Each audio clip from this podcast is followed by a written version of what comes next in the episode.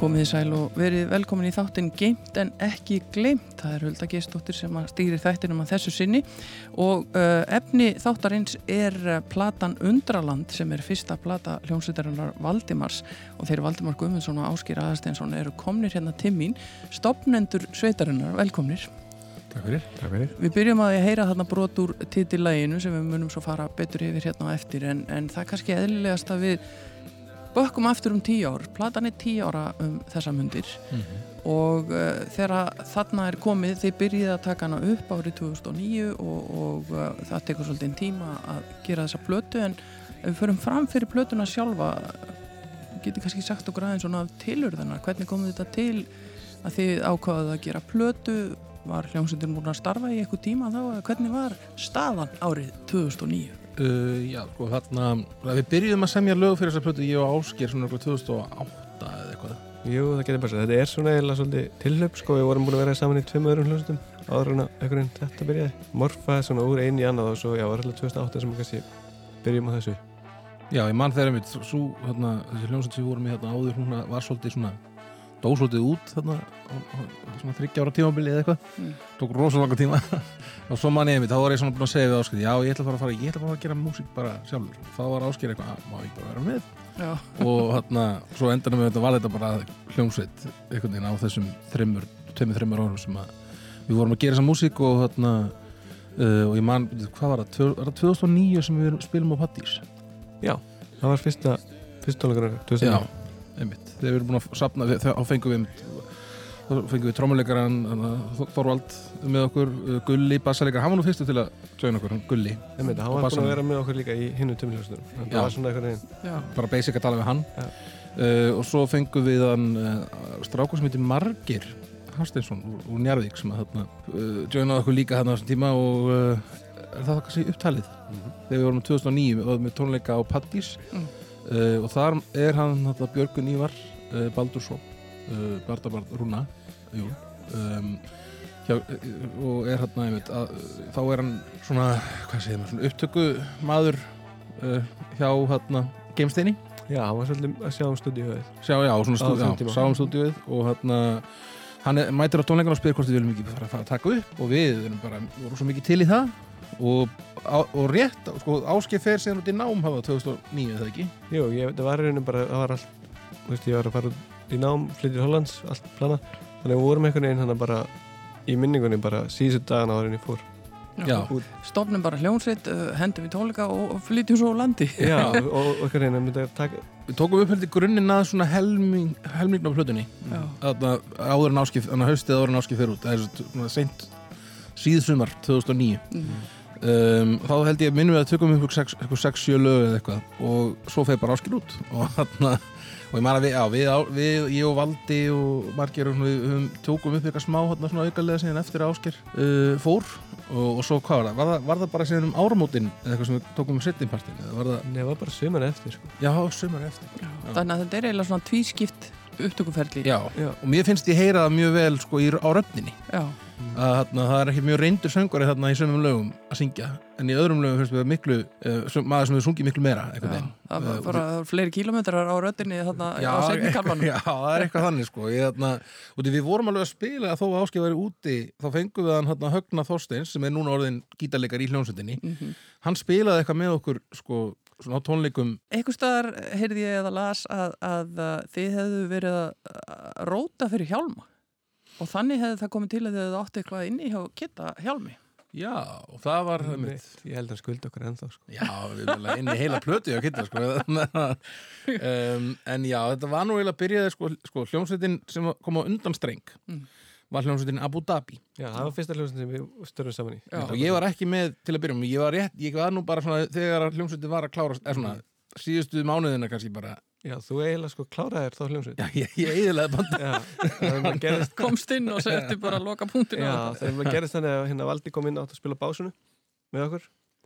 Og svo náttúrulega verandi mjög hérna svona aðdæklusjúkur og, og, og ákveðin maður þá heimtaði hann alltaf að fá að syngja líka það var ekki alveg verið þannig ja. Nei, en alltaf, ég man ekki einhvern veginn Ég held ég að nú er meira pressaður í það sko. ja, En þú varst ekkert búin að vera að syngja uh, sem slíkur Ekkert mikið alltaf, ég hef búin að taka þáttur eða hvað Jú, ég var búin að taka, ég tók þátt í manni í hljóðunemanum í Keflavík, sem er svona fjölbjörnskóla Suðunisja Já. söngakeppnin Já, og ég man ekki nákvæmlega hvenar þetta er sem ég tek þátt í hljóðunemanum og syng með hljómsveitinni. Mm. það er eitthvað þarna, ég held að ég sé aðeins á undan að taka þátt í svona og svo nokkur stuttir setna, einmitt, fá þeir mig eitthvað, er svona, ég, ég, spi, ég hérna, spila þetta með þeim ég man að ég, þeir eru að taka hann Enjoy the Silence já, Deepest Mode Já, og þeir voru að gera eitthvað útgáð á því og ég, einmitt, ég pikkaði upp stefið með þeim og spila hérna stefið á básunu og í kjölfarið á því síðan eftir það upptöku session sem ég mæti þannig þá, byr, þá svona fer ég að mæta á æfingar og, og eitthvað, gera eitthvað svona einmitt, það kemur eitthvað nýtt eh, ég, ég kemur með lagarninn og eitthvað svona. Allan til að gera mjög langa sögu aðeins að þá syngu aldrei með hljómsveitinni og síðan þá hefur söngar hljómsveitinnar aldrei sungið eina nótu. Hann bara herri valda og bara lokaði mununum og bara valla fengist til að tala síðan. Já, þér ekki allir minn en þarna, já þarna bara byrjaði ný tímabil. Já. En uh, og það, einmitt á súlhjómsveit Mm. það er eiginlega áður en að ég byrjaði að þá voru þeir byrjaði að vera einmitt að róta fyrir, já, já, fyrir það- hjálma það er það er alltaf við erum að tala um þetta. Já, við hérna tókum upp lög hjá Kitta og, og rótuðum í staðin og síðan lengdist það svolítið, sko, vorum heil lengi eitthvað að brasa fyrir Hjálma og svo Megas líka hæli, já. já, er að verkefnin hans kitta sko, einhvern veginn. En ef við vindum okkur að uh, plötunni, Undraland heitir hún, uh, við skulum svona byrja á því að- að að kíkja hans á fyrsta lagi, Brotlendur, hvað getið þið sagt mér um það? Um, ég man, þetta lag man ég, ég man að þú varst ekki á æfingunni þegar við vorum að, að gera, þú hefur örugglega verið úti þarna þegar við vorum að pæla í þessu fyrst sko, Já, já, minni mig ég held að þetta hafi verið svona, ég man alveg svona meira sem ég, man, ég var í listaháskólanum og ég var að keira eitthvað, þegar að, ég man ég er að keira þarna á, hvað hei, ég man ekkert hvað þetta heitir þetta er ekki sæbrautin lengur, þetta heitir eitthvað gatan þarna fyrir neðan skólagotuna Já, það heitir held ég ennþá Sæbraut bara. er það, heitir það sæbraut, hættir það bara að vera sæbraut hjá hölpu kannski? Já, ég já hugsa ok, það. það getur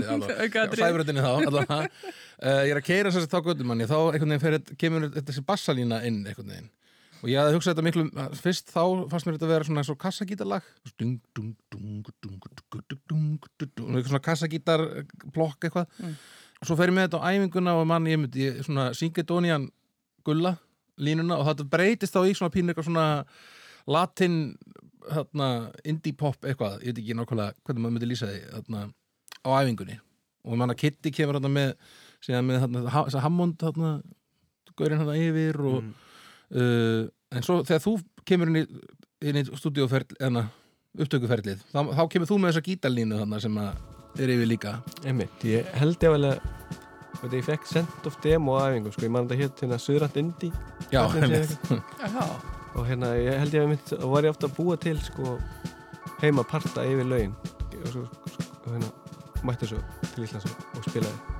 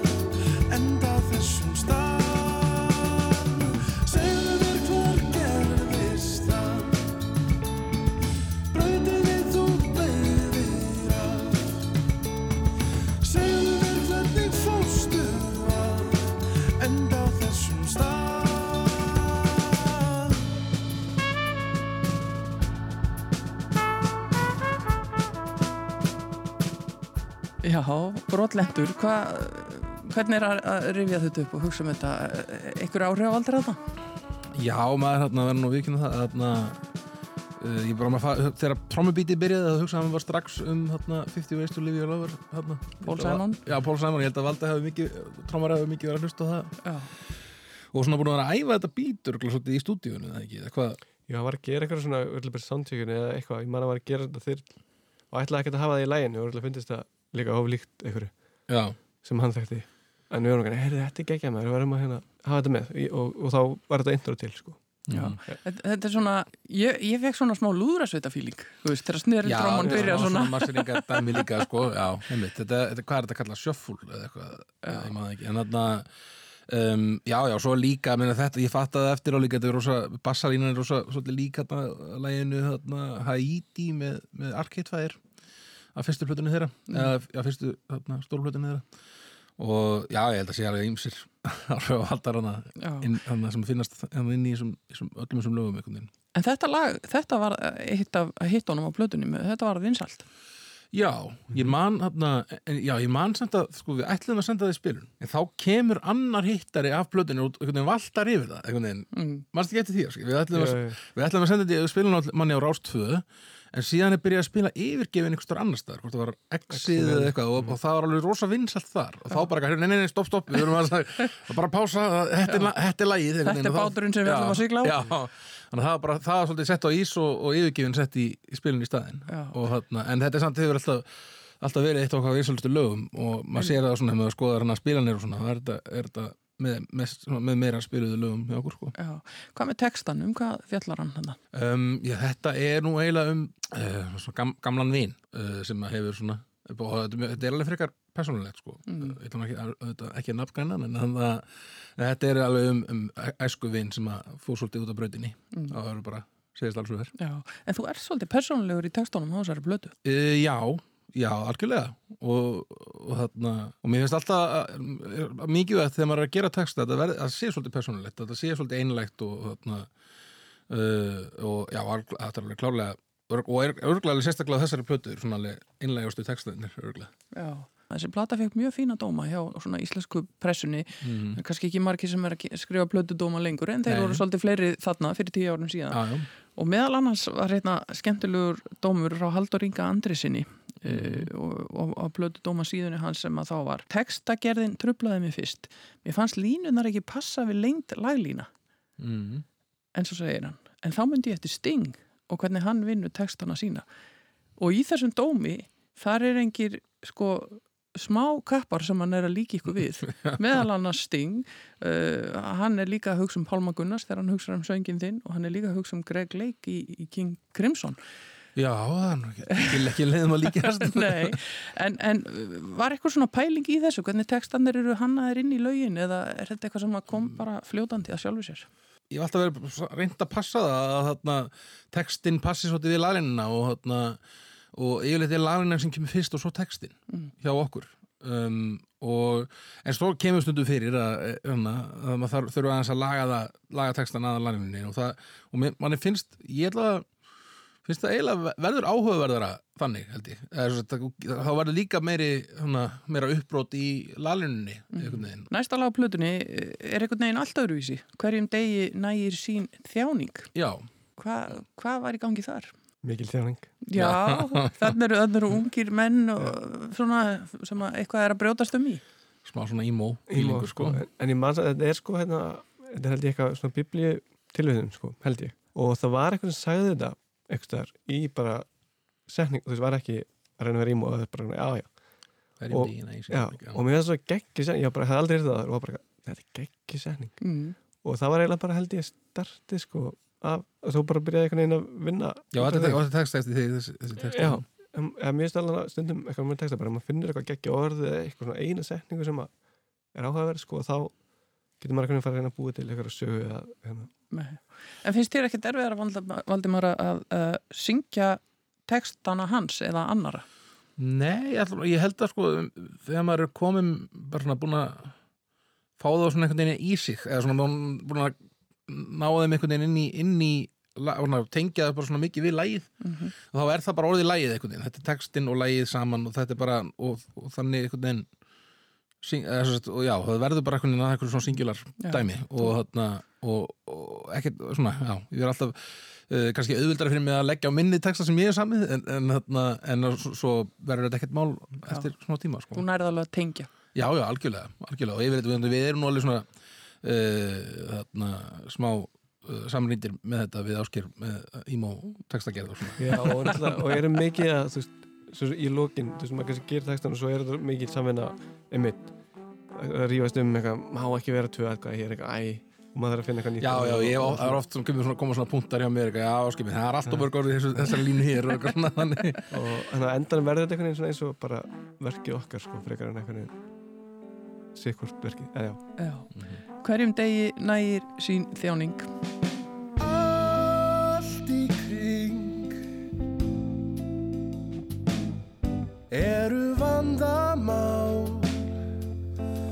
Alltaf. Vandamál sem leysa má. Ef að tími gefst hvenær hlaðastu líkt og ösku fjall hækkar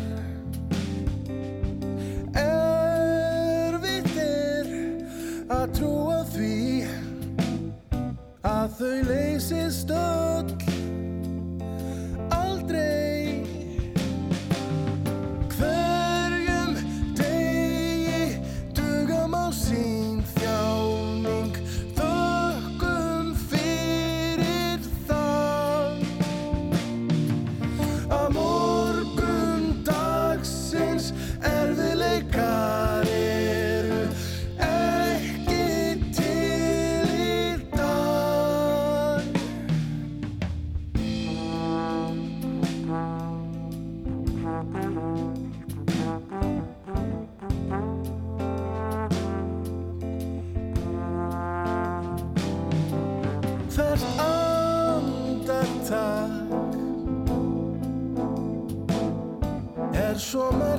merkilegt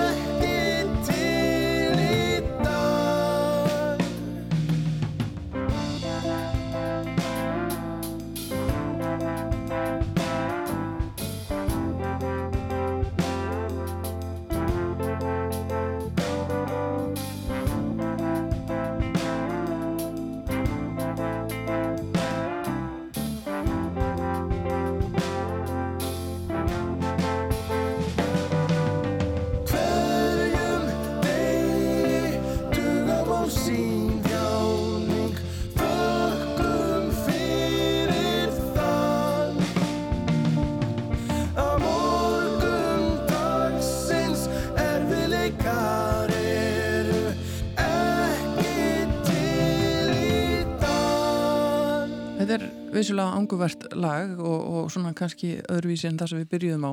Valdimar, uh, þú varst að tala um millikablan hérna meðan við vorum að hlusta. Já, já ég bara, sko, sérstaklega einmitt, uh, sérstaklega þessari plötu fyrst mér, ég hlustaði á honum, á honum daginn uh, plötuna, aftur eftir langan tíma. Það var svona alls konar, svona af þessum lögum sem við spilum minna í dag, þá er koma svona kaplar sem að svona, já, þetta var kapli í læginu og svona, og það var einmitt millikablinu þessu, það svona já, þessi línan hann að þegar við vorum að pikka upp um daginn þá bara var ég, bara, ég var búin að stenglima því að þessi kapli væri, ég var svona, já, einmitt það er ekki bara vess og viðla, það er líka þessi millikapli.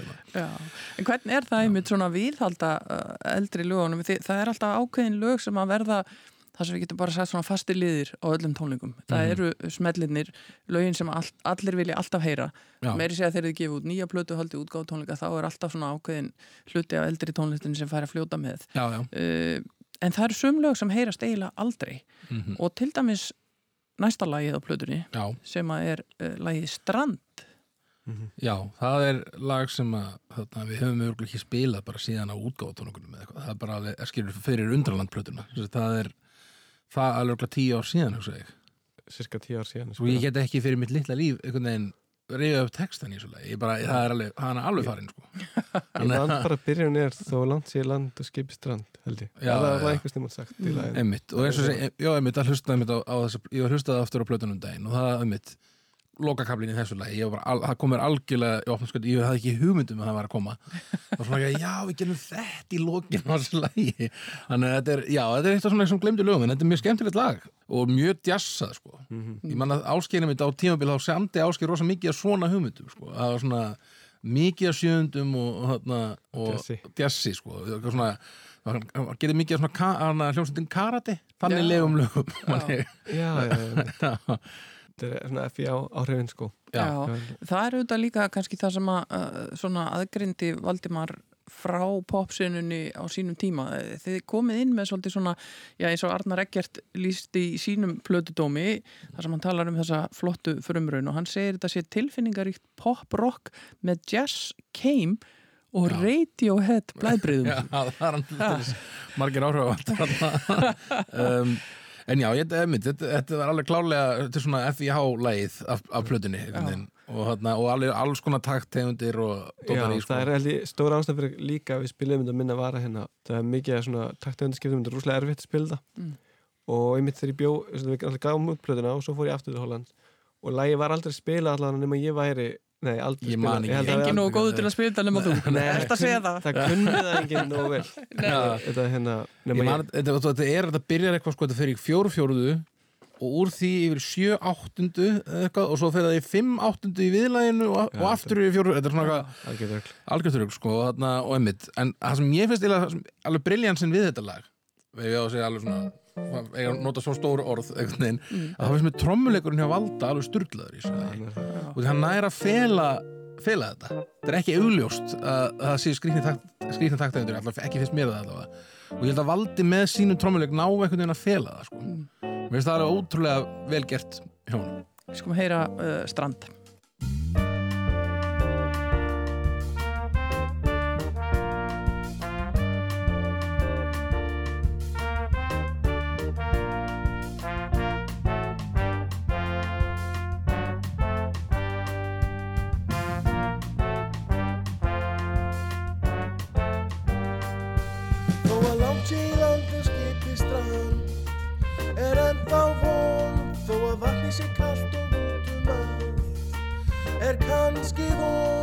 Kemst heim. Ef þú syndir af stað. Þó að aldan sé há en öndin smá Er ennþá von Þó enginn virði sjá hvað þóla má. Er kannski von Kemst heim. Ef þú syndir áfram Þú hægt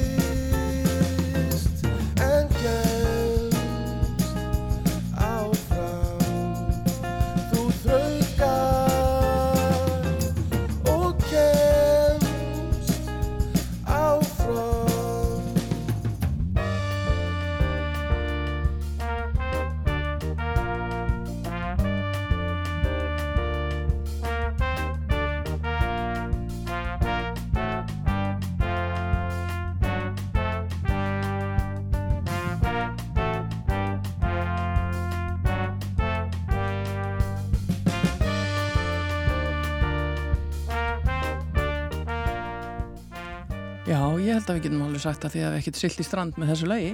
Nei, þetta, þetta er svolítið magnað og, og þetta er skemmtilega öðruvísi lag en, en er ekki komin tíma á að þið farið að spila þetta aftur á tónleikum? Tíu árum síðar, þeir eru orðinir miklu flinkari núna. Sko við náttúrulega erum með afmælistónleika núna í september að Já. það er spurning hvort við ættum að pikka það upp og aðtöðu hvort við bara getum spila það? Ég held að, ég held að Þorvaldur er ánað með það sko. Já, hann fer, fer alveg að kostum í þessu lagi sko, þannig að það er, ég held að, einmitt, það verður mjög gaman já, bara, bara fyrir okkur til að fá að sjá hann aftur spila þetta Mhm. svona. En það er auðvitað eitt sem að enginnir uh, tónlistin ykkar uh, er til dæmis þessi frábæri trómuleikur og, Mhm. og svo mikla tækni en samt svona hóvær og látlus trómuleikur sem er svo ótrúlega flottur. Já, þetta er eh, svona, hvað myndum að kalla þetta, svona finesse svona hann er mjög, hann hefur hann myndi, myndi vera með svona statistik svona, hvað hann er góður í að svona finesse, valdi myndi vera með alveg upp í hundra held ég, í hérna, í trommuleik sko. Hann er líka sko, það sem er kannski merkilegt við valda er að hann er ótrúlega góður en líka ótrúlega þú veist, smekklegur og svona Einmitt. hefur góðan, og það fer ekkert alltaf saman sko, Nei.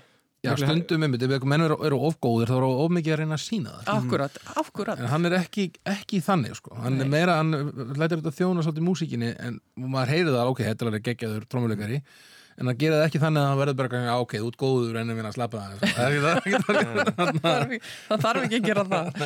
Næst er það svo titilagi sjálft Undraland. Já, uh, Hvað getið sagt mér um það og af hverju var þetta titilagið? Ég man að þetta er eitt af lögunum sem að uh, þetta var eitthvað svona, ég hef búin að gera demo man ég.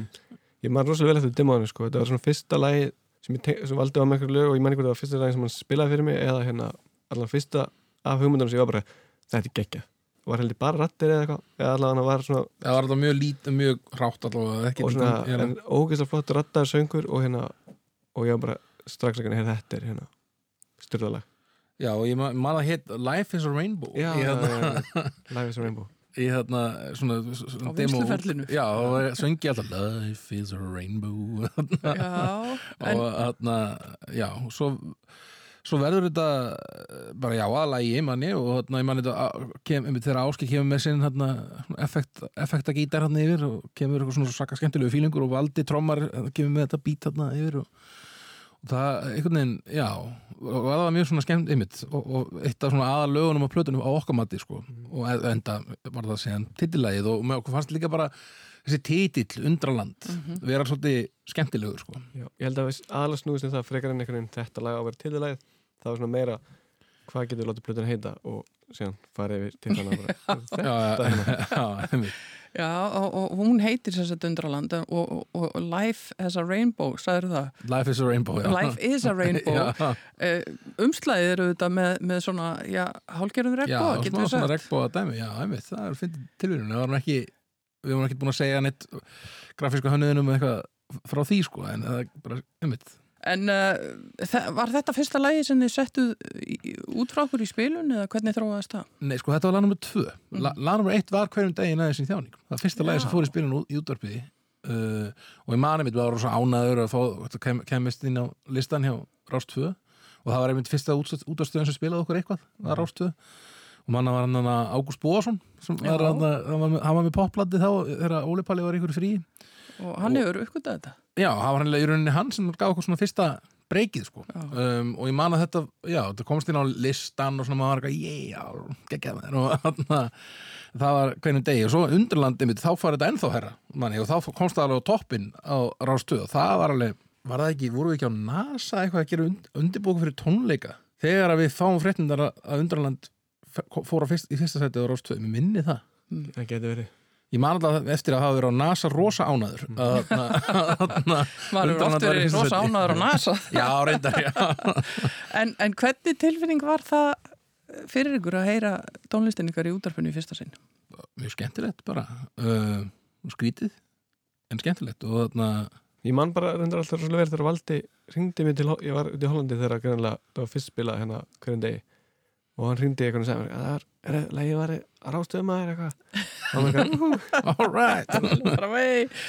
En það, það lítur að vera svolítið sérstætt að vera kannski bara eitthvað keiri í bílum og svo bara heyrir allt í einu í Já. sjálfu þér. Mér finnst það ennþá, ennþá bara sérstakt sko, það maður kannski aðeins voru meira vannu í núna en, en þarna, það er alltaf svona að maður verið pínu svona, ú, ú, skrítið eitthvað. Mér finnst það ennþá alltaf skrýnara sko ef það er á stöðum. Ef maður er bara einn í útarspil og gerir eða eitthvað. En mér er svona alltaf skrýtið eða þegar maður er kannski borða veitingastað eða kaffehúsi ég- Já, ég- inn í- matabúðinu og þú ert í kerfinu bara. ég man nú þegar við vorum eitthvað á veitingastað að gera undirbúkur í tónleika já, já, já. og það er einhver sem greinlega setti bara á herru, ég ætla að setja hérna á Valdimar playlistan þannig að það var bara Valdimar í, í bara tímann. tækinu bara allan tíman og við eitthvað að borða það og Heldur þetta að vera ekki herru, ég að vera góður að spila þetta En textin, við, við, þekkjum þessar uppvarslínur langt, langt í burtu Mhm. og, og það er verið að tala um þetta undraland einhvern veginn. Er þetta eitthvað svona ævintýra texti eða er eitthvað, er eitthvað raunveruleiki hérna bakvið? ég, ég, ég var svolítið að tengja þetta við bandaríkin manni, og þetta geta byrja sko, og því minnst varst bandaríkin vera svo, vera svo þarna uh, hvað kallar maður þetta uh, svona paradoxikal, svona, eru, þetta er svona tveir, Tveir anstæðir pólar. tveir anstæði pólar bæði svo frábæst og, bæði, og líka svo hræðilegt mm. -hmm. Þversennakent þversagna Einmitt. Gott að hafa málfarsráðunutin Já. þetta með. En mér, en mér fannst þeim eins og væri bara bestu hlutinir og vestu hlutinir eru þarna og þá tala maður um þetta undraland sem að uh, sem hæfileika menn þrýfast vel og, og þarna, líka þarna, hvað, ljúarar og öfgamenn Við skulum heyrum undralandið.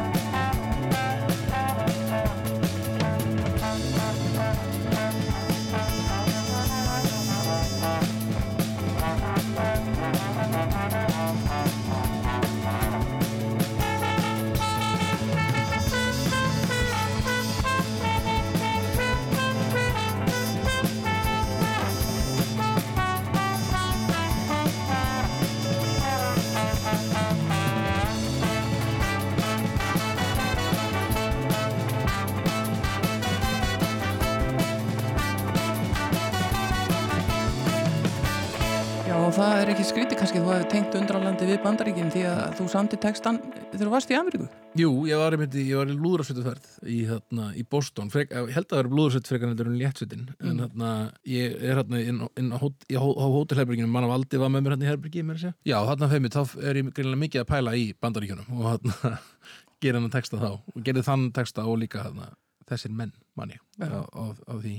nota ferðina í, í það. Já, en næsta lag heitir Næturöld og, og þar kveður við nýjan tón já það er nú svona uh, einmitt, svona ég- örugglega eitt af mest emo lögunum á þessari plötu um, og ég man að þetta lag sko varð ekki við æfðum það ekkert áður en við fórum í stúdíuð man ég. Nei, það er rétt ég man að ég kom með það bara þegar í örgulega annarkvæmt fyrst eða öðru, ég held að ég er fyrsta upptökuferðinu mm. að þá þarna svona segi ég bara við að strákar en ég, ég er með þetta lag en ég ekki bara prófa þetta. Og, og Ásgeir þarna, ég kenni Ásgeir í hljómana og hann kemur með einhvern mitt notar effekta þarna, Það var eiginlega, þetta var pínu erfið stemning sko þegar að gera þetta lag. Eiginlega eina sem ég man eftir þessi session var eitthvað svona pínu eitthvað skrítið. Ég man ekki af hverða að byrja en það þannig var eitthvað svona pínu skrítið stemning og ég menna það var skipta skoðanir um hvernig við ættum að pródúsera. Já og hvort við ættum yfir að það að það komur eitthvað svona hugmyndir um að að spilda bara kassagítar eitthvað svona strömm og mér veist það alveg afleitt hugmynd. Já við vorum, það var, það var mikil and, and, mikil andstæða við kassa gítar bara já það til að byrja með í hljómsveitinu það var bara kannski of alþýðlegt fyrir svona mikið Já. klára tónlistamenn ég held að hafa meira tengd sko svona sveita að tengd einhvern veginn Við við sveitaball sko. eitthvað svona emitt eða, eða svona svona þannig dæmi sem er náttúrulega í, svona, núna er maður ekki, við erum að taka alveg sátt og mikið kassagítar í okkar Já, lögum sko. það var kannski á þessum tíma og sérslega kannski þegar maður er aðeins yngri svona unglings og svona að þá var kannski ekki rosa mikið notar í svona maður heyrði þetta bara í myndi svona eldursparti Já. eða eitthvað svona partíspil og fannst það eitthvað Já, ég, ma- svo, einmitt, ég man eftir þetta var einmitt, þetta var eitthvað sem við rættum og líka manni hvort það ætti að vera trommur mm. ég man að Valdi var alveg enga veginn á því að hann vildi ekki Mm. spila trommur í þetta lag Nú, og hann, hann vildi spila percussion hann vildi spila svona alls konar öðruvísi svona áslættur, Já. áslættur hljóðfæri manni og svo náðu að neyðan í, í stúdíu inn í, inn í hérna, upptökuklefan að, að, að, að spila trommur og gerði það, og gerði það bara mjög vel séðan sko. Já ég held, held sko pína galdurinn við lagi er að þannig að við, það kom sér kassagítarpæling og þá var ég einhvern veginn fór í svona mótróaröskun einhverja og, og fór að finna það sem verið ólíkast kassagítar og setti alla skrýnist effektan sem ég átti í gang og, og Þorvaldur líka í sinni mótorákast einhvern veginn spila trommuna svona eins lítið og hann mögulega getur og, og þú veist, líka með heyri þú veist, að hann reyna að spila sem minnst sko. að spila þetta og, og síðan var það bara eitthvað snild og trommuleikan er snild og það er myndið að hann er svo hérna minimalískur og flottur sko. já, hann ég held að þessi hérna mótróa röskun í okkur hafi Gert- skila þessu skila læginu sko, Gert stað. því sem það var En hvað með textan, hvað sögur við að segja þarna? ég man, hann verður held ég til einhvern veginn þegar ég er að labba heim á djamminu, eitthvað, eitthvað pínu fúll, eitthvað eða svona pínu leiður yfir svona, ah, nei, ok ekki þetta skitt, eða svona en ekki þannig þetta er ekki svo, ég hafa verið eitthvað, ok, let's go eitthvað þannig, ég var að meina það svona meira Bara eitthvað illa ég hef kannski verið að fara niður í bæ kannski til að hitta einhverja mannesku eða eitthvað og þarna og sen fór það kannski ekki alveg þá átt sem ég hefði vonað og, og svo var pínu leiður yfir því og þarna og ég, svona, ég mani mitt ég er að labba framhjá einhvern veginn litla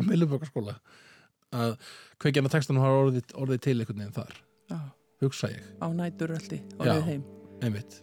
En já, einmitt, svo fer ég heim til pappa og sem textan þar held ég, minni mig daginn eftir held ég. Ég reyni og reyni og reyni en ekkert virðist ganga upp. Og gleymi og gleymi og gleymi mér í mishefnuðum tilraunum en tilraunir mínar svo veikar þær líða skjótt. Þar til að ég hætti og gefst upp og græt svo hljótt Svo hljótt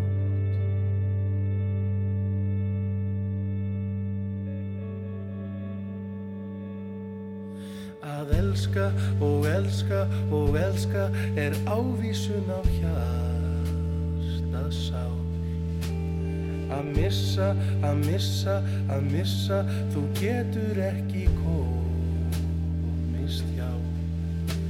Og hugurinn færir sig ekki frá ástinni. Og ángistar kastalar verða þín heimkynni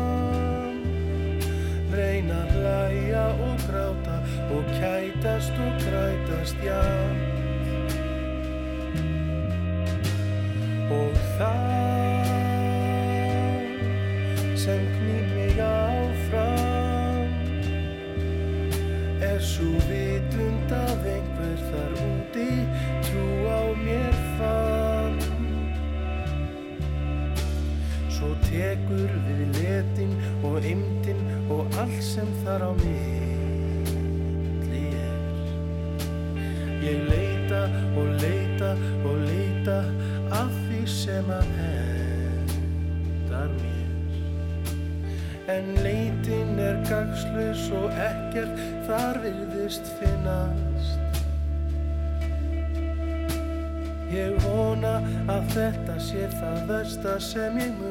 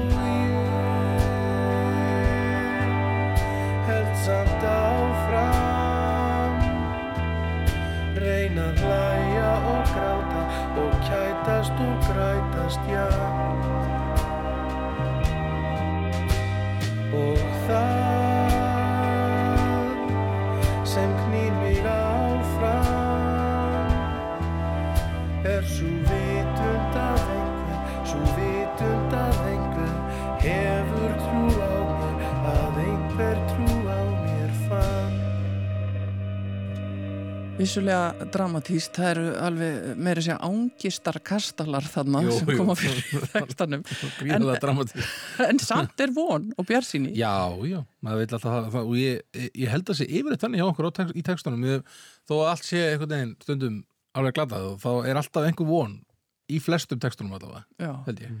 Og það segir einmitt þannig í textanum ég held samt áfram og næsta lag heitir áfram. Já, Hva, hvaða leiður menn komnir á þarna? Um, sko, ég man að þessi text er eftir hann, eftir hann kitta þannig að við getum ekki kommentað á hann. Þetta er held ég sko jazzaðasta lagið. Í raun, eða sko hljómalega síðan, Já. ég, ég hérna, já, ekki þar ég hvernig maður var um daginn að pælja að fara að spilda lag aftur og, og fann, ég hefði gert svona hljómablað fyrir strákana. Og það er bara alltaf bara heil setning fyrir hvert hljóm það er svo margar hérna auka nótur og rugl sko. Já, já, já Þannig að þetta er ekkit lög sem eru samin bara svona í einhverjum partígýr út í bílskúr. Þetta er flóknar en svo. Ég held sem að vinna fyrir að sé eins sko, bara málið er að þetta voru bara hljóman sem að eins og það væri að spila partí lögut í bílskúr, þú veist á notar hljóman sem var vanur að gera. Og þetta voru bara svona hljómasamningar sem ég hafa búin að vera að æfa heima fyrir einhver Ég varst ekki búin, að- að skrifa þetta eitthvað upp eða ekki fyrir hann Áskir Áskir svo, Jú, það ég- var eitthvað svona einhverjum tíma hjá honum gott ef ég notaði ekki eitthvað svona verkefni í, í skólan fyrst þess að bjóð til hann hljómagang og, og skrifa þetta upp. Þannig að þetta er, ég held einmitt sko þetta er ekki eitthvað svona nú ætla ég að finna alla skrýnstu hljómana. Mm. heldur meira bara, þetta var bara fyrir mér eðlilegt á þeim tíma, Já. bara að ég var að spila þannig, þannig lög og, og hlusta þannig lög og þannig, þannig að þetta var bara það sem kom sko. Já. Tekstin eftir Kristin uh, eru allir hljómsveitamvelimir sem koma að uh, lagasmíðinni, ég meina það hann hefur líka sami lög og, og, og þarna er hann með texta uh, þú ert að semja lög og líka texta á skýr og Valdimar, þú ert í, mikið í textónum en uh, svona alltaf ykkur er aðrir að potast inn í Já, við erum, þetta er nú mikið samstarf þetta band, sko, þó að kannski nafni gefur það ekki til kynna en, en þetta er alveg algjört, algjört uh, mikið samstarf hjá okkur og þarna, allir sem komið með eitthvað leggja eitthvað til, sko. Og já, já, það er alltaf, eh, svona, þetta er alveg mikið mikið hann samstarfsverkefni, sko. Já. Við verðum eiginlega bara að lusta á áfram til að rýna í, í textana skita Nú svart hólið sem yfir tekur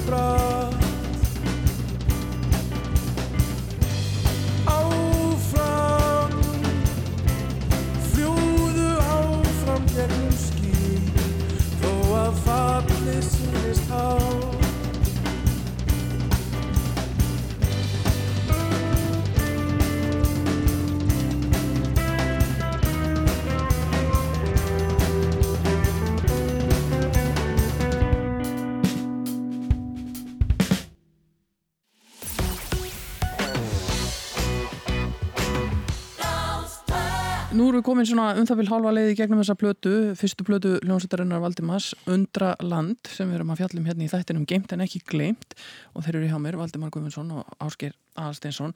Þú er næsta lag á plötunni og eftir áfram áður en að uh, stóra smellirum yfirgefin kemur. Uh, Þetta er kannski lag sem maður fór ekkert mikið fyrir að plötunni Nei, en er svona, hefur verið svona vinsælt hjá okkur að spila á tónleikum Mm. okkur finnst það ros, rosa skemmtilegt að spila á tónleikum þetta lag og þarna, uh, já, ég man þetta, þetta lag var bara til út frá þessar stefi þetta þannig að sem bassin er að spila og, bra, og brassið, Mm. bassin og brassin brassið uh, og ég man við kölluðum það alltaf dúr Mhm.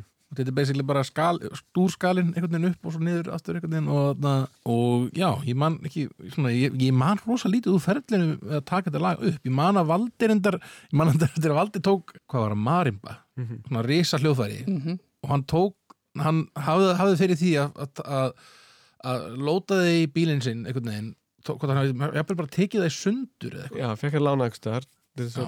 skrúið sundur Eða stakka lappina á allan eitthvað já, já, Rótbílinn setti það bílinn sinn sem var með stórt, skott og setti það saman aftur inn í geimstinni og tók upp Marimbi tölu og það er alveg mjög flott það er mikill metnaður í þessu. En mér finnst ég myndir þegar maður af við hefum spilað þetta mikið og einmitt miklu meira kannski heldur en vinsaldir lagsins gefa til kynna að okkar. En þegar maður heyrir stúdíupptökuna þá hérna kemur þessi Marima svolítið oft aftan að mér.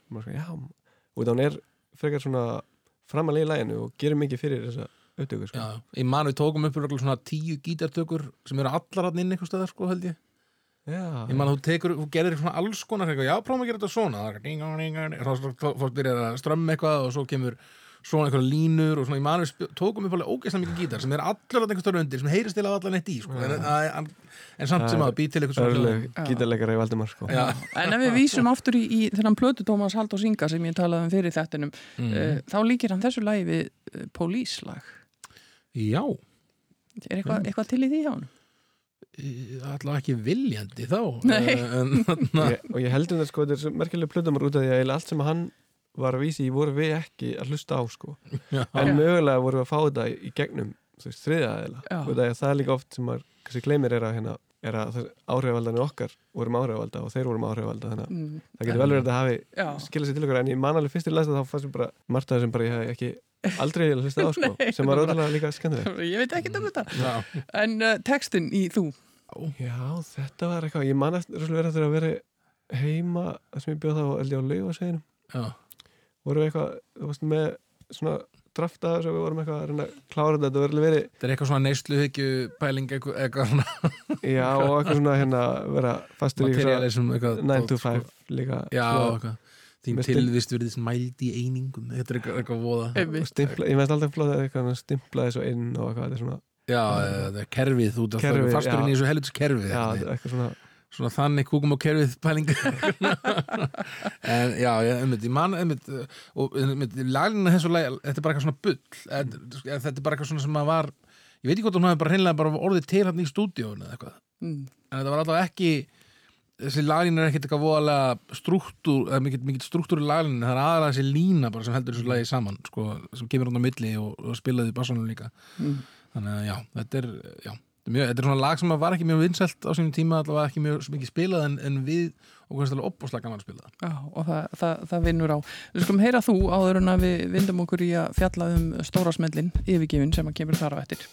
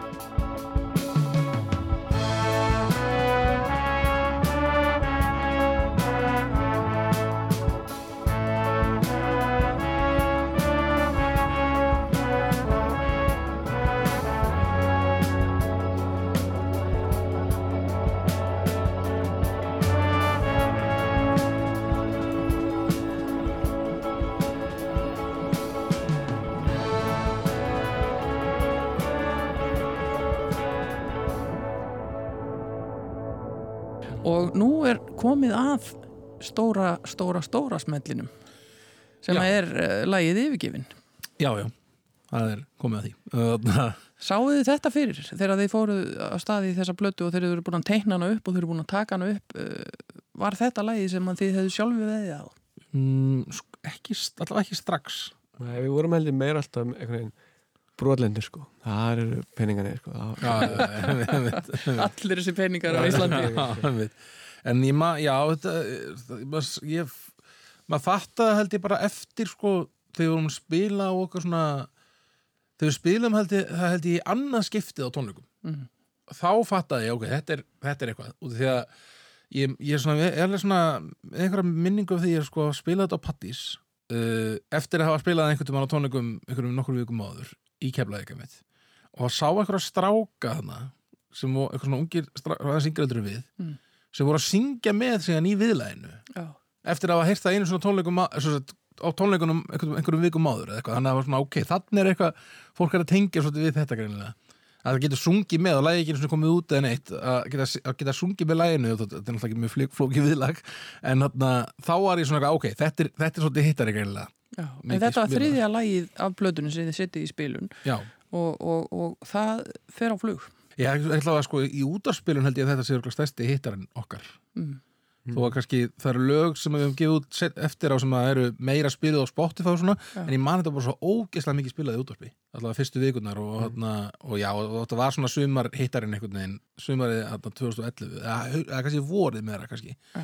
Og þetta lifir ennþá góðu lífi, ég meina þetta er lag sem þið taki til dæmis eiginlega alltaf á tónleikum. Já, þetta er svona, eiginlega, það er komast ekki upp með annað, sko. Já, mjög erfitt að hérna og, ég man, og það er svolítið skemmtilega með þetta lag finnst mér að það kom tíðanbílir eftir gámund aðra plötuna þá var svona, þú veist, stundum, já, nú spilum við bara ekki yfir ekki. Nei, við erum hérna með nýja plötu og bara það þrjóskast við eitthvað svona þrjóska og eitthvað svona, eitthvað svona ego svona pælingar eins og fólk fer í gegnum sko, eitthvað hinn, nýju lögin er alveg nógu góð og uh -huh. en síðan svona í setni tíð þú veist, þá, þá er þetta ekkert issue, við bara spilum alltaf og, og mér finnst það eiginlega alltaf bara eitt skemmtilegast lagi að spila, alltaf geggi orka og í bandinu gerum þetta og bara allir náðum svona að komast yfir það sko og nú finnst mér bara aðeinslega að þetta bara alltaf Já, og ég held að sé að það er eitthvað svona orka í því nú, svona á tónleikum hjá okkur sem að er, hérna, einmitt, er ekki í upptökunni en það, er svona, það verður miklu einhvern veginn og það verður svona menn er að leika sér bara, eða skilur, þetta er svona Já. alveg að rokka alveg út Það er- veginn og við erum komið extended version sko, það sem við spilum að svolítið lengri tíma og svona, og þetta er alveg og það er líka, það er svo gaman sko þetta lagi er, svo formfast, þetta er einhvern veginn bara fjóru hljómar og, og, þú veist, og trommar og bara svona heldur þessu svo vel saman og allir þekka lagi þannig að maður getur eiginlega nánast gert hvað sem er í laginu og það mun, vir, þú veist, það mun Ég- engin verða hissa. Og ég mani mig þegar lagið við spilum það uh, svona, vorum að æfa það fyrst og svona, þá fannst manni einmitt það sem að mér fannst skemmtilegast við það var hvaða hvaða er einhvern veginn endalust eða svona, mér fannst því að við gætum spilað það endalust og það var alltaf skemmtilegt veginn og þarna, það var eitthvað við þennan hljómagang fannst mér alltaf sem að gerði það einhvern veginn bara, þú gast haldið áfram alveg endalust á, á, meira og meira og meira veginn og bara alls konar nuggets sem að getur farið yfir eins og, og viðlæði var til þegar ég vildi fá meiri læti frá hljómsveitinni. Já, var, við vorum að taka demo og ég, bara, ég, ég, og ég saði bara ég vil fá læti la la la la læti og byrjaði að öskra þetta. Já. á þá basically sko ég vildi, vildi, vildi bara fá meiri læti frá þeim sko. Og þar var það bara komið. Og það var bara vil, það var viðlæðið basically. En þú talar um, og þið talið um orkuna hjá ykkur þegar þið spilið þetta lag en það kemur líka gríðarlega orkar frá árund vegna þess að fólk elskar þetta lag Já, og ég, man einmitt, ég man bara svo vel eftir því þegar við spilum þarna, hérna, já, Sæll, EHF þarna, það er hérna hvað heitir það, Fjarðaborg? Nei, Jó, er ekki fyrir Jó, og hérna við spilum þetta alltaf kvöldi áður en bræðslanir þá, þá eru svona tónleikar Mm. þarna þar. Og mann hafa alveg stappað hús og við erum að spila þarna mitt uh, yfirgefin. Og ég man bara hvað trillingurum var mikil það var ég hef aldrei séð held ég bara eftir, eftir þetta eins og mikinn trilling ég sé mikinn trilling þegar þetta lagið spilaði en þarna var náða einhverjum algjörum hápunkti manni, og þetta lag var búið að spila svona ógeðslega mikið og, og var óslega vinsælt. Og það var, það var fólk, datt bara einhver trans þarna, það var mjög skemmtilegt sko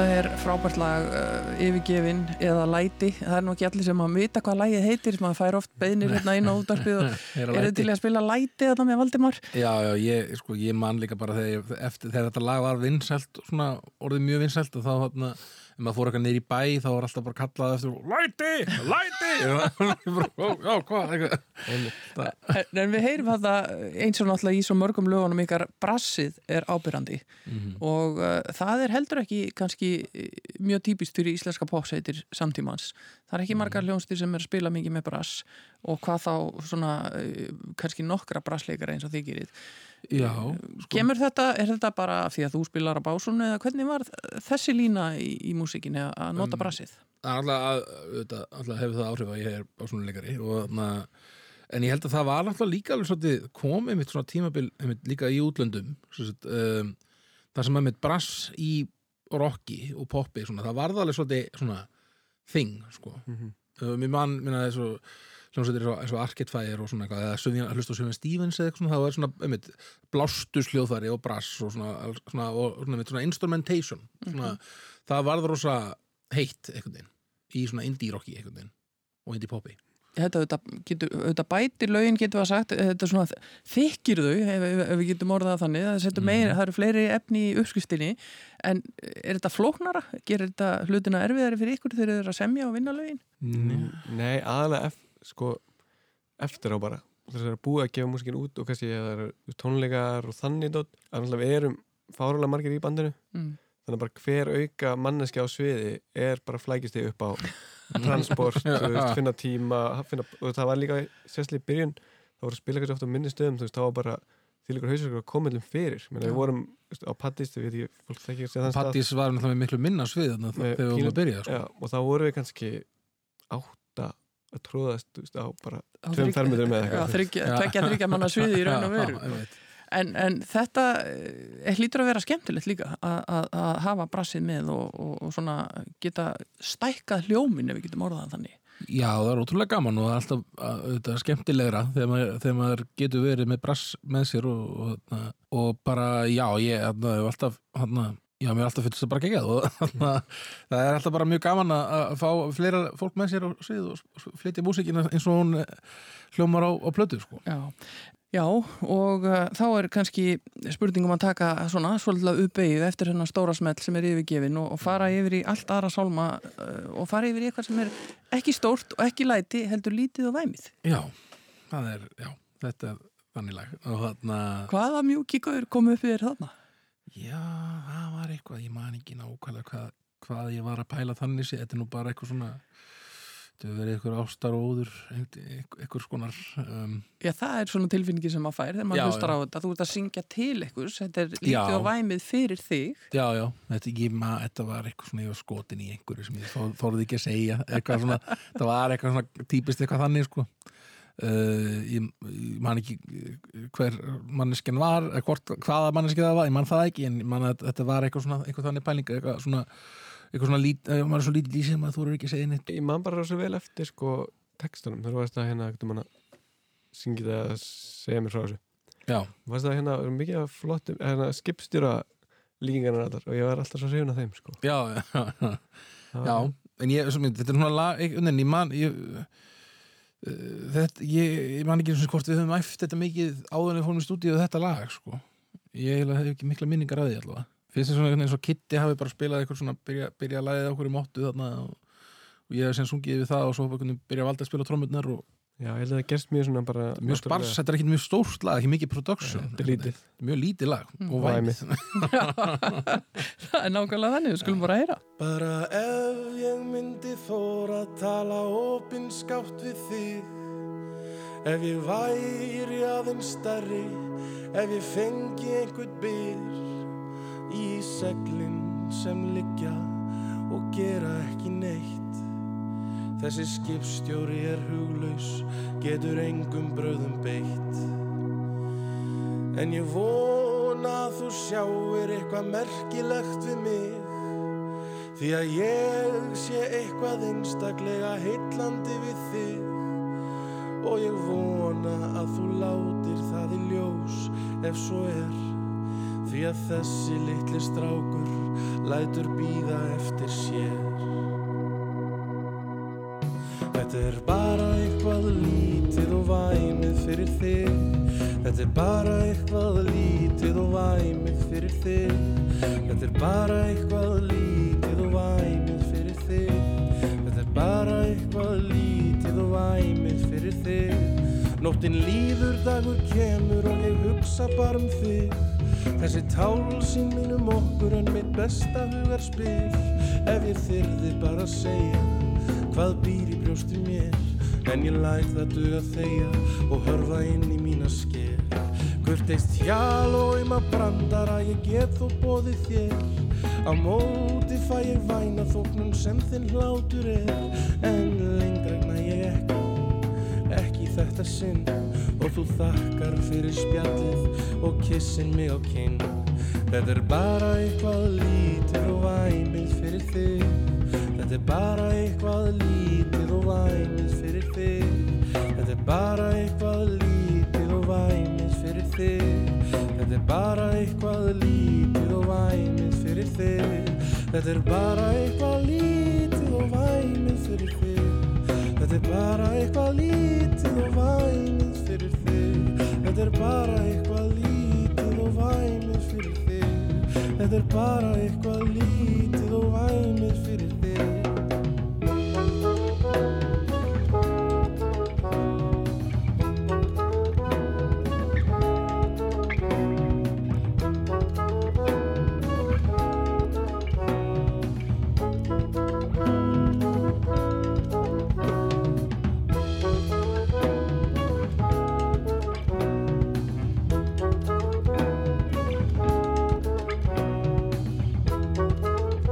Lítið á væmið en, en svo sannarlega hugulegt og, notalegt.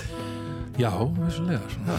Það er þessi litli strákur sem lætur býða eftir sér. Já, einmitt, þetta var einhver einmitt, ég er eitthvað, eitthvað ástasjúkur hérna En er það þannig, til dæmis í textagerðinni að, eh, auðvitað er ástin algengasta umfyllunar efni dægulega texta bara heilt yfir. Mhm. Uh, sækir hún einhvern veginn alltaf fram þegar maður fer að semja? Er, er ástin alltaf ofalega í huganum?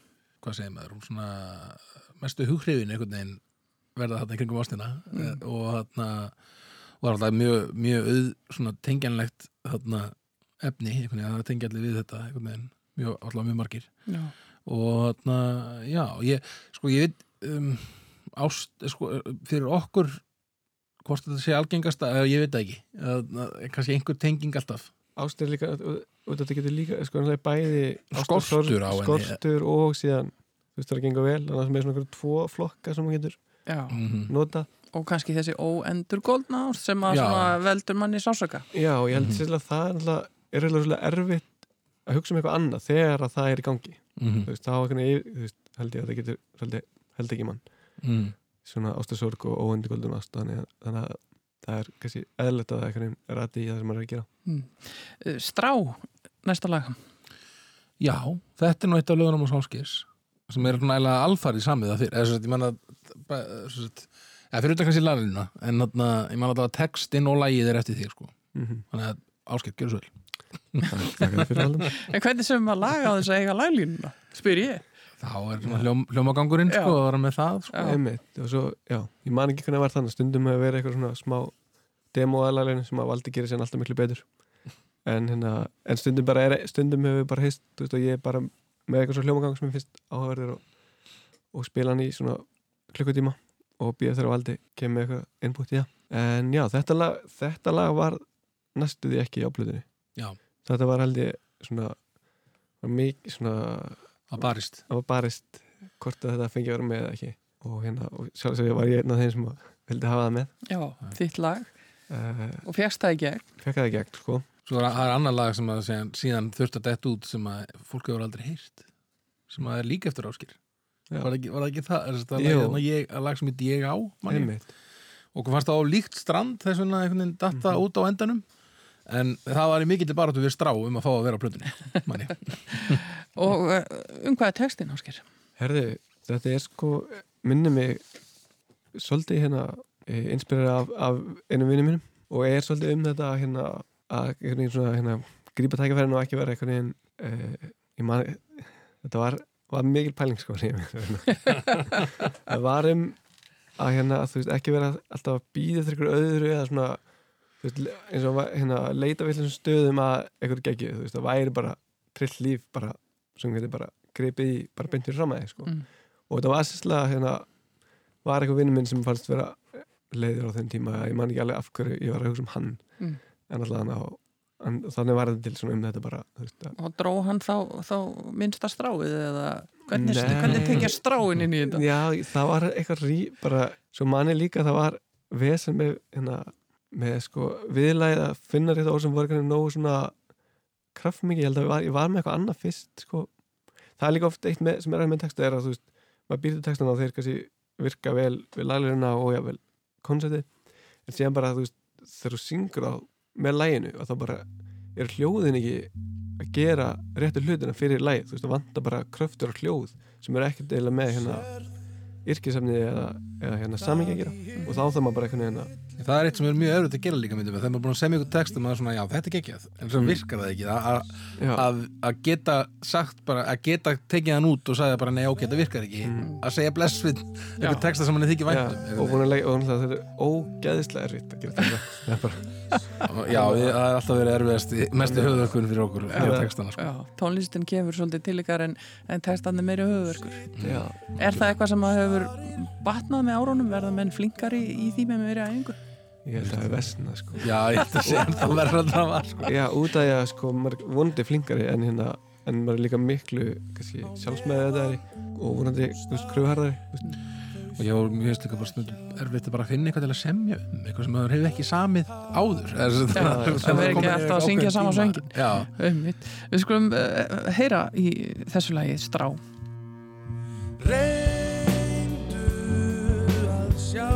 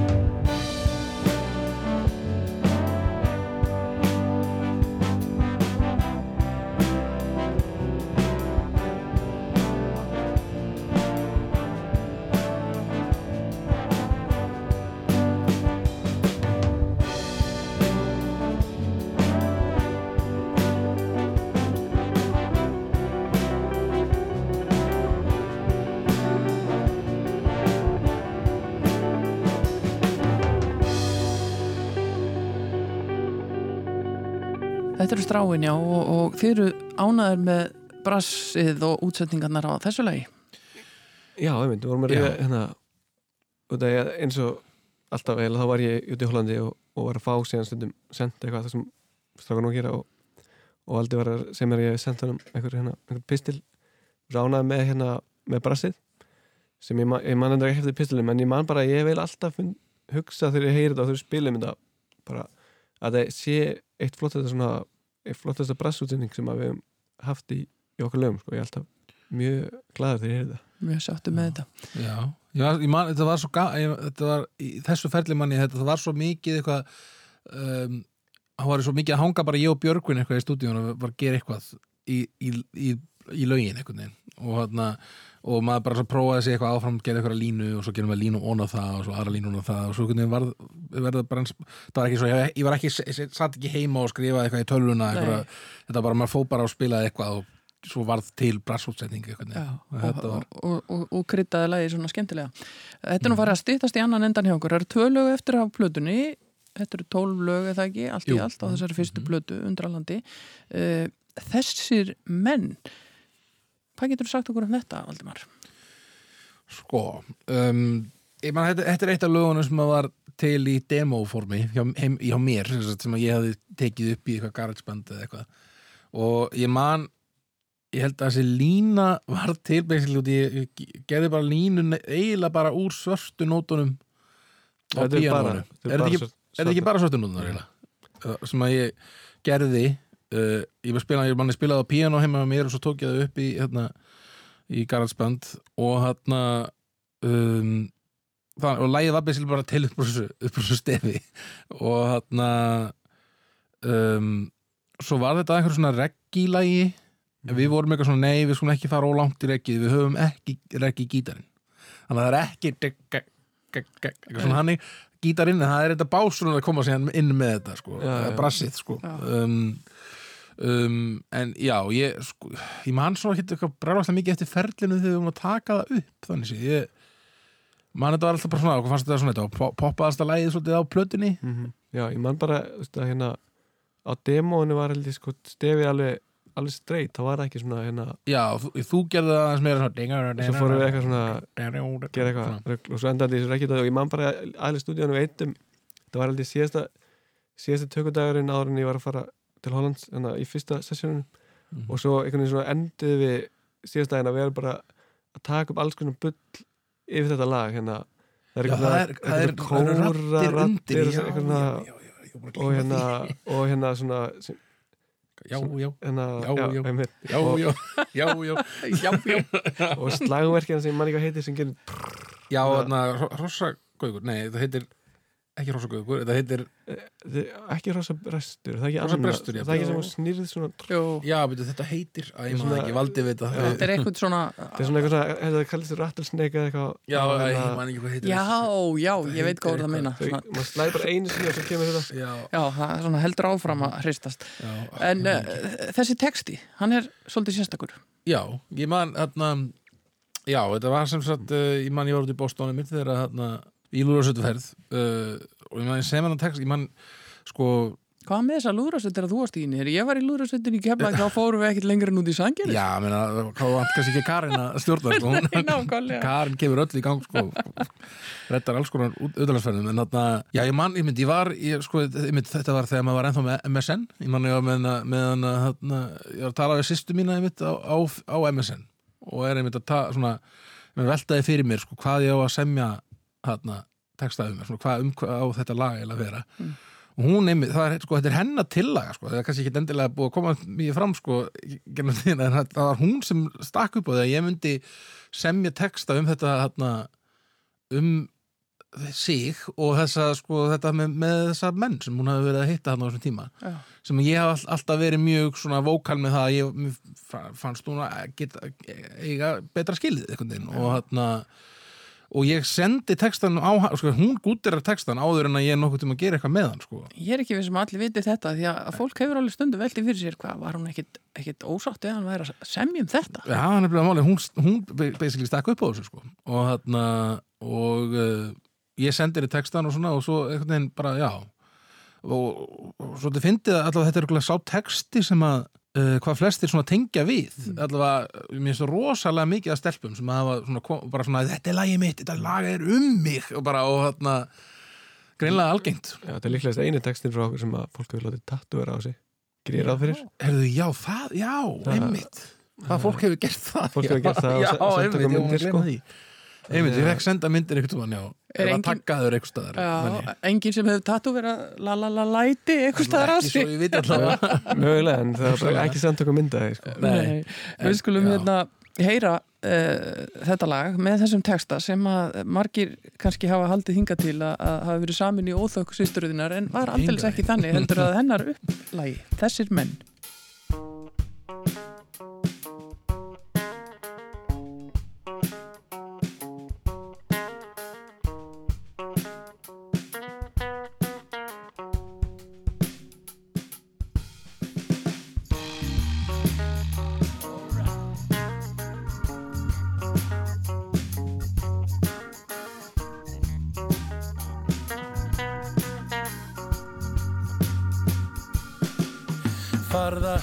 farða hugsa, farða hugsa sýstir góð. Fyllir aftar og vittlisingar gera engum konum bót. Þín viska ætti að vera meir en það. Þessir menn sem að þú umgengst eiga ekki skilið neitt. Þína fyrirgefningu fá þeir þó oftast yfirleitt. Þín góða lund er út tröðkuða flóm Þú átt svo mikið betra skilið.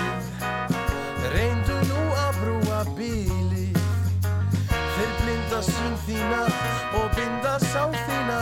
Ekki hlustað á þeir reyna sína þeir hlið sína. Þeir kinda bál úr neista. Ekki ilja þér þú veist það. Þín ást og alúð nýta og vandamál sem nýta Í gegnum þig vertu sterk, hugrögg, vertu þú.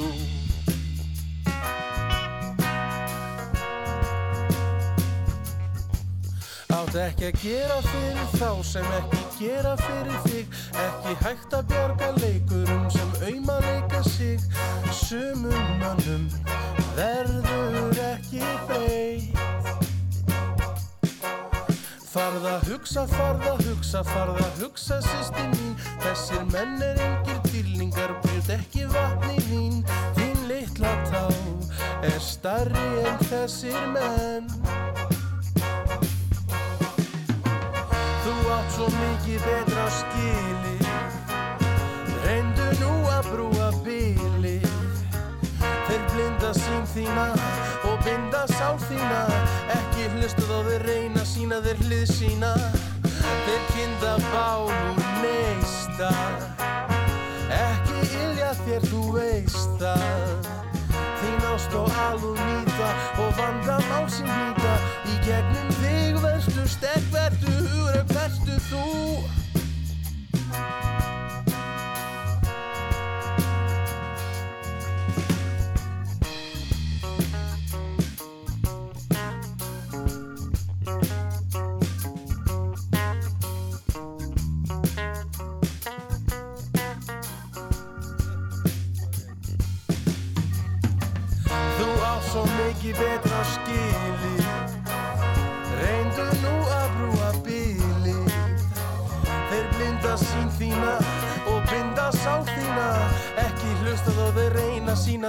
sína.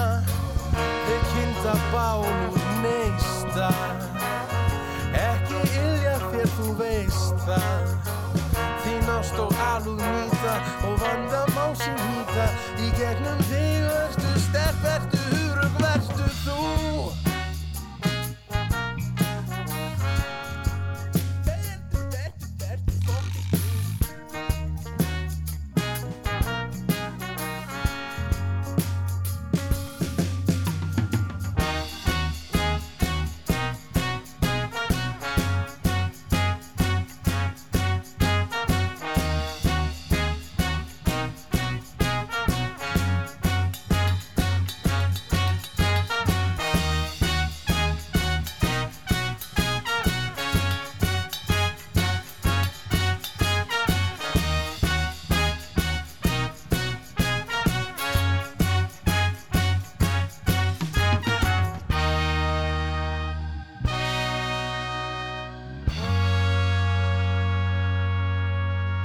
við töluðum upp að þáttar um að, að, að þú hefur, platan er tekin upp í tveimur holum og, og þú talar um að það sé svona eiginlega svona ungi Valdimar og svo aðeins reyndari Valdimar og, og þarna heyrðu við í unga Valdimarnum. Já, það- ég, eh, man, einmitt, ég er mjög ólíkur uh, mér í dag þarna, í þessu lægi sko. og þarna já, þetta er bara hann ungu maður stíka sem fyrstu spór þarna í, söngverðinum og þarna að það heyrist En þá bara komið að loka lægin á plötunu sem er, er lægið ferðalag.